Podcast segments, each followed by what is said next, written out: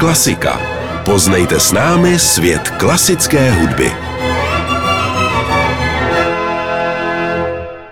Tento pořad vám přináší Dino Schools of Prague, první soukromá škola s oceněním za výuku etiky, která u svých žáků klade důraz na samostatné tvůrčí myšlení a rozvoj osobnosti. www.dinoskola.cz Sponzor pořadu.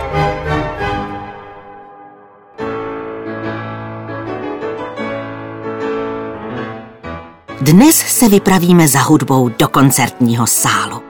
A nejraději do pěkně velkého koncertního sálu, protože právě tam nejraději trůní hudební nástroj, kterému se dnes budeme věnovat.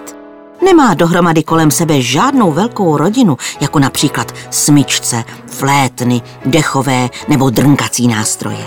Často si vystačí úplně sám, protože jako jeden z mála hudebních nástrojů umí zahrát hlavní melodii a sám si k ní dokáže obstarat i bohatý hudební doprovod. Na druhou stranu se ovšem vůbec nestydí postavit se před celý velký orchestr, vzít si solo a ten doprovod nechat na ostatních. Ale velmi rád se přátelí i s valnou většinou nástrojů, které už známe. A v tom případě se vůbec necítí uražený, pokud nechá hlavní slovo jinému a sám se spokojí jen s vedlejší úlohou. Skromný sympatiák, co říkáte? A umí vyjádřit ledacos, znít slavnostně, anebo třeba vyvolat zasněnou náladu.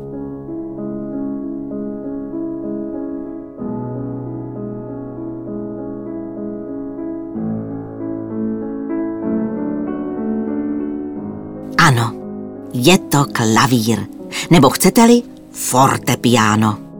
Velký klavír, určený pro koncertní sály, se jmenuje koncertní křídlo, podle tvaru vrchní desky, která, když se odklopí, vypadá opravdu jako velké ptačí křídlo.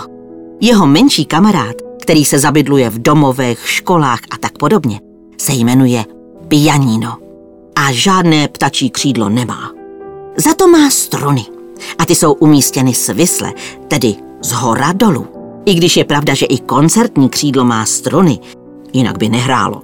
Ale ty se pěkně lenivě natahují pod ozvučnou deskou, tedy křídlem, vodorovně, jakoby natažené ke spánku.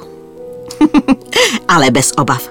Klavírista či klavíristka, nebo také pianista či pianistka je rozhodně odpočívat nenechají. Jen co udeří do klávesnice, desítky či stovky malých kladívek začnou struny lechtat, lehce do nich zobat nebo i zlostněji klovat malými kladívečky, aby je probudili k životu a rozezněli. Klavír je totiž struný úderný nástroj.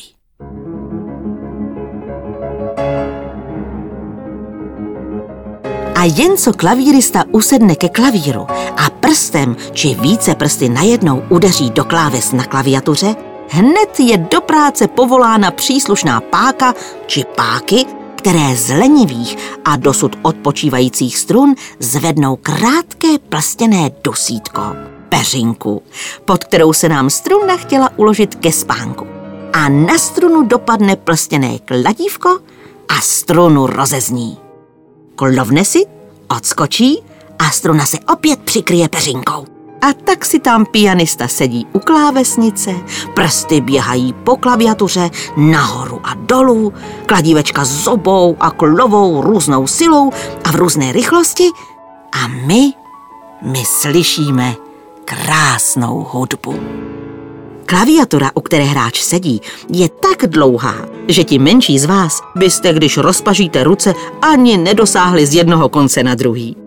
Je na ní řada černých a bílých kláves a jaký tón bude znít, záleží na tom, kterou klávesu pianista stiskne. A podle toho, zda ji stiskne jenom malinko, nebo do ní skutečně udeří, bude tón slabší nebo naopak silnější. Možná jste si někdy, třeba na koncertě, všimli, že dole pod klaviaturou jsou umístěny pedály, na které hráč šlape nohama. ne, ne, ne, ne, ne, to není spojka brzda a plyn. Ale podobně jako pedály v autě ovládají rozjezd auta, rychlost i jeho zastavení, Pedály u klavíru ovládají, jak dlouho zní některé tóny, nebo kdy naopak mají hned stichnout. Tedy vlastně ano, brzda. I když jsem říkala, že klavír nemá větší rodinu, není to tak docela pravda. Rozhodně má své předky a vzdálené příbuzné, tedy dědečky, pradědečky, strýce a tak podobně. Daleko dříve, než to byl klavír, se totiž hrávalo třeba na spinet, anebo na čembalo, které můžete slyšet i dnes. Jeho zvuk není tak kulatý a plný jako zvuk klavíru, ale daleko více připomíná drnkání na struné nástroje.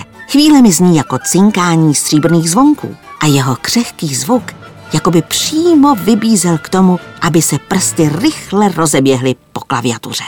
Tento pořad vám přináší Dino Schools of Prague, první soukromá škola s oceněním za výuku etiky, která u svých žáků klade důraz na samostatné tvůrčí myšlení a rozvoj osobnosti. www.dinoskola.cz Sponzor pořadu.